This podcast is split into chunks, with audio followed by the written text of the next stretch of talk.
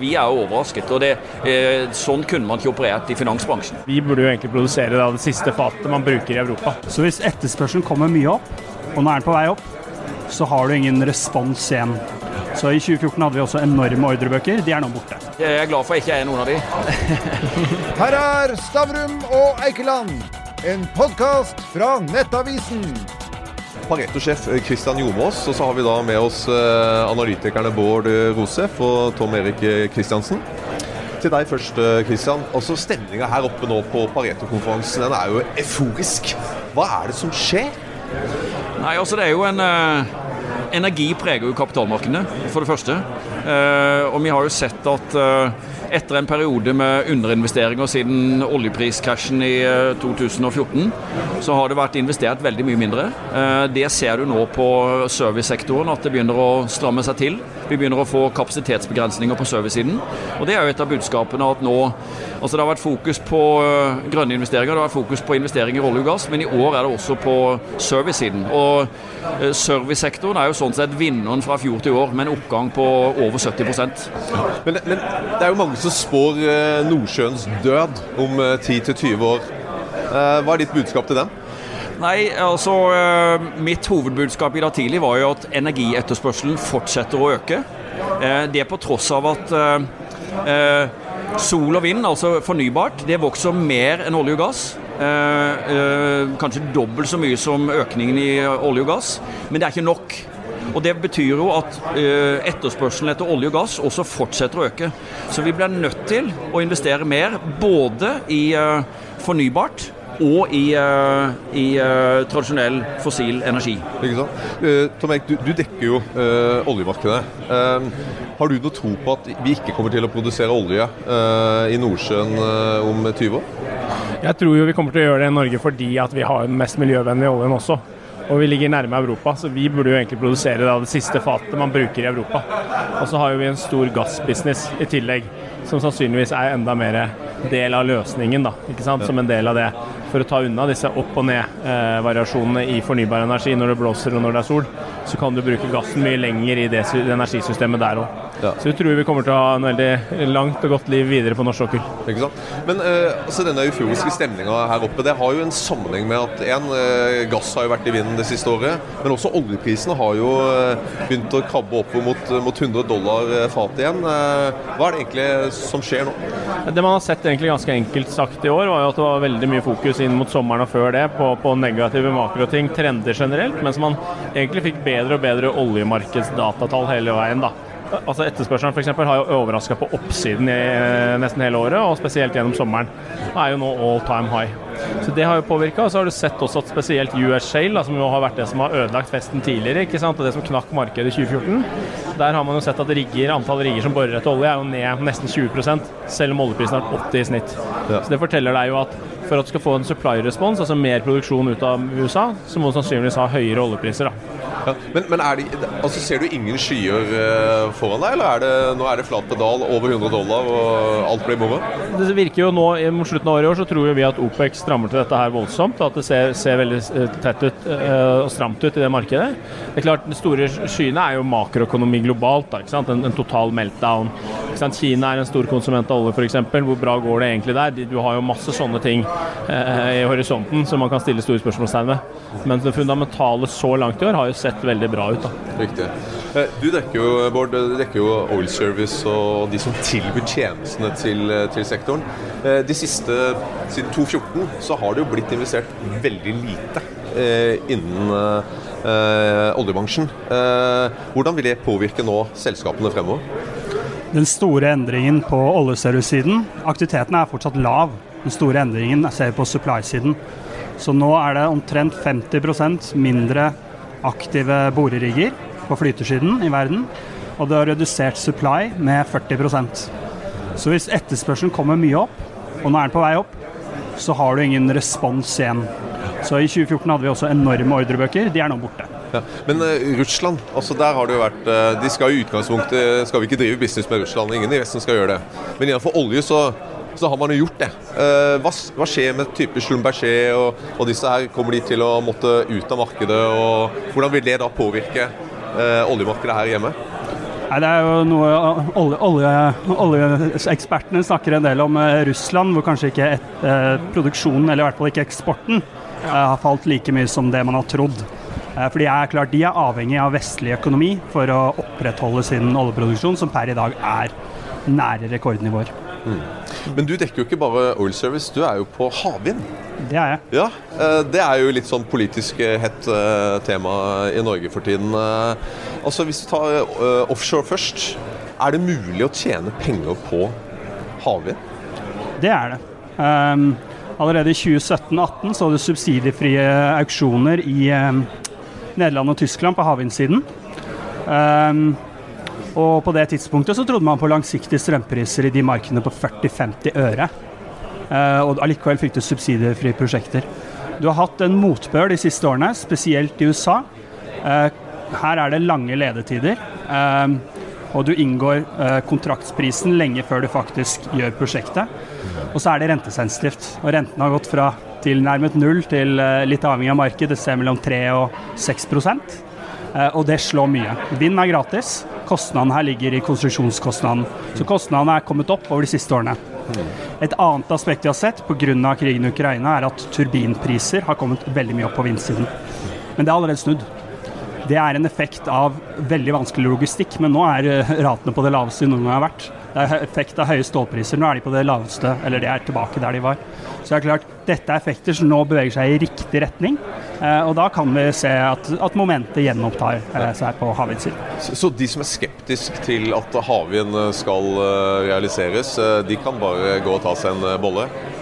Nei, altså det er mye sk sk skepsis mot den norske havvindsatsingen. Og sånn uh, Sørlig Nordsjø 2 er designet nå, så har du en priscap på 90 øre. Det er for lavt. Og det er snakk om et subsidie på uh, 23 milliarder. Det var 66 øre. Det er penger, det òg. Ja, det er penger, det òg.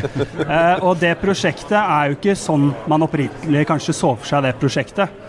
Så er spørsmålet om man ønsker å subsidiere den type prosjekt med noe mer begrenset teknologiutvikling enn f.eks. flytende havvind på Utsira, med så mye penger for å få mer kraft i Norge.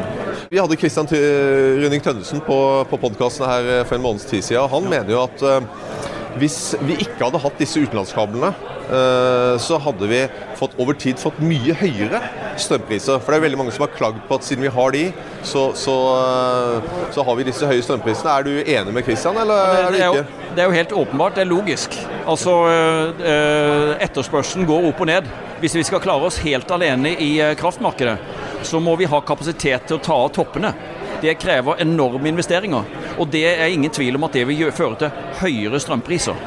Så det er ingen tvil om at ved å ha kabler, så kan vi selge strøm når vi har for mye, og så kan vi kjøpe strøm når vi har for lite. Så det, i, vår, i vår bok så er det helt logisk. Ja.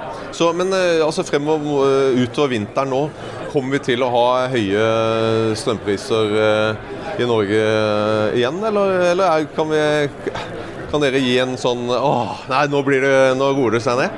Vi kan jo se på de som er best på dette, har jo et veldig stort utfallsrom fortsatt. Ja. Gitt situasjonen i Europa. Og mye av det utfallsrommet reflekterer stor usikkerhet rundt gassprisen inn i vinteren. Gass er et spotprodukt. Eh, Så blir det en kald vinter, så kommer det til å dra på de eh, lagrene som nå er stappfulle.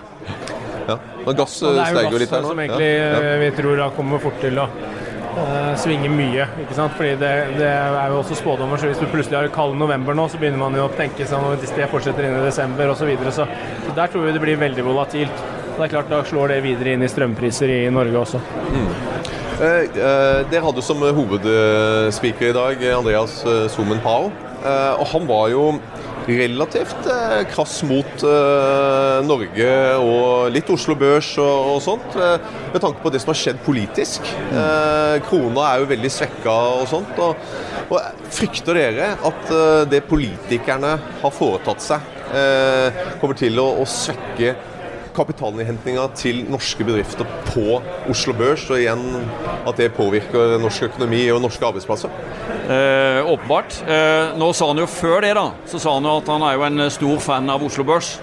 Så han er jo basert i eh, Singapore og har eh, ni selskaper notert på Oslo Børs. Så han er jo 70 milliarder, er det ikke det? Han er jo den største fanen på Oslo Børs. sånn sett, men, men det er ingen tvil om at eh, det han sier, skal vi ta veldig alvorlig.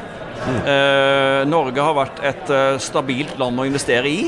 Eh, så har vi fått noen store svingninger nylig. Og vi kan ikke ta for gitt at den posisjonen vi har hatt, at den, den fortsetter.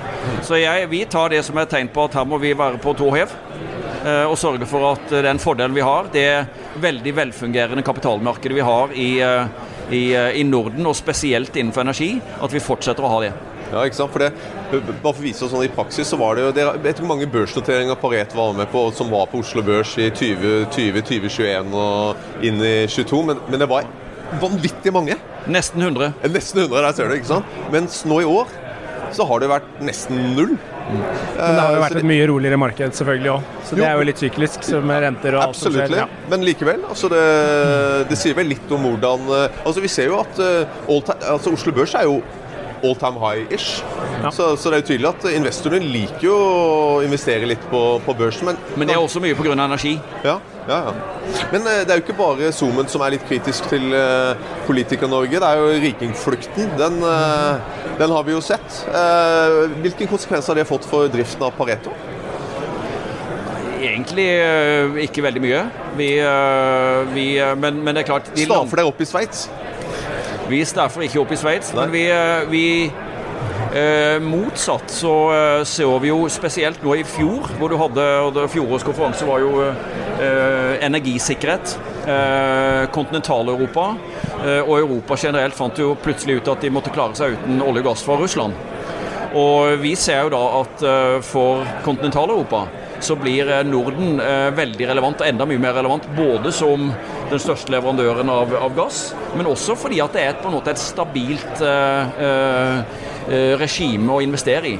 Så, så vi har jo ambisjon om eh, å eh, ha kontinental-Europa som, en- som et viktig marked for oss, og ikke minst også markedsføre nye børsnoteringer innenfor spesielt fornybar. Altså De er veldig opptatt av fornybarselskaper på, eh, i kontinental-Europa, og få de til å også børsnotere seg i, den, i, i Norge. Eh, altså, vi, vi må jo innom det, den store nyheten de siste, siste ukene. Eh, hvert fall den siste uka, da, da når det er etter valget. Eh, altså Sindre eh, og Erna eh, og sånt. Altså, eh, jeg kan ta til deg, Kristian. Altså, hvis du var uh, Sindre Erna nå, uh, hva ville du ha gjort?